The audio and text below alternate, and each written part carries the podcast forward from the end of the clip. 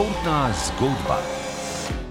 Kolesarska vročiča, vročica se ob dobrih nastopih slovenskih kolesarjev tudi letos stopnjuje in bo vrhunec dosegla julija na dirki po Franciji, ko se bosta v novič pomerila Tadej Pogačar in Primoš Roglič. Oba imata v teh dneh zadnji preizkus pred dirko vseh dirk. Roglič je včeraj dobil preizkušnjo po francoski pokrajini Dauphineji, Pogačar pa bo svoje noge preveril ta teden pred domačimi navijači, seveda na dirki po Sloveniji.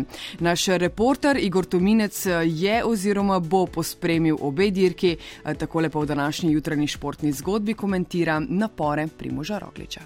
32-letni zasavec je do letos etapne dirke osvajal na španskih cestah, francoske pa so bile zanj kot zaklete. Vedno se je nekaj zalomilo tik pred koncem in tako v Franciji, razen etapnih zmag, ni zmogel dokončati zastavljenih ciljev.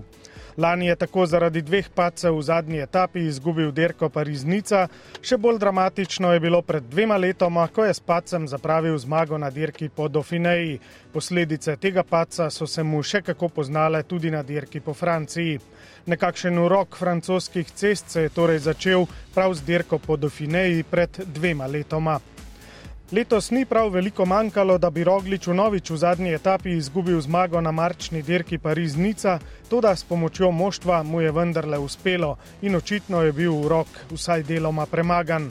Včerajšnja zmaga po Dauphineji, zgodovinski pokrajini okrog Liona in Grenobla, ki dan danes nima več administrativne veljave, pred tisoč leti pa je bila država znotraj svetega rimskega cesarstva pa je bila prepričljiva kot že dolgo ne in Rogličeva zmaga številka 64 je ena najbolj zanesljivih doslej, saj je imel ob zmagoslavju v svojih nogah tudi še precej rezerve.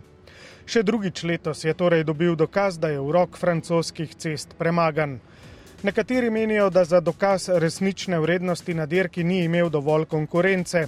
Toda rekordni čas, ki ga je postavil na sobotnem ciljnem usponu, dokazuje, da v njegovi trenutni formi ne gre dvomiti.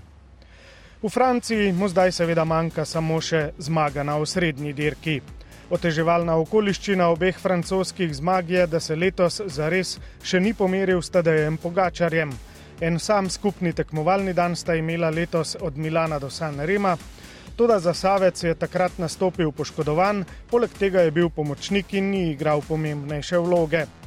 Tadej Pogačar bo ta teden gledalce navduševal na dirki po Sloveniji.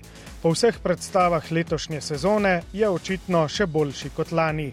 To je dobra novica za vse slovenske ljubitelje kolesarstva, slaba za Rogliča. Tudi poudariti je treba, da se profesionalci na najvišji ravni ukvarjajo predvsem sami s sabo in ne z napovedmi, kdo bo koga v naslednjem mesecu.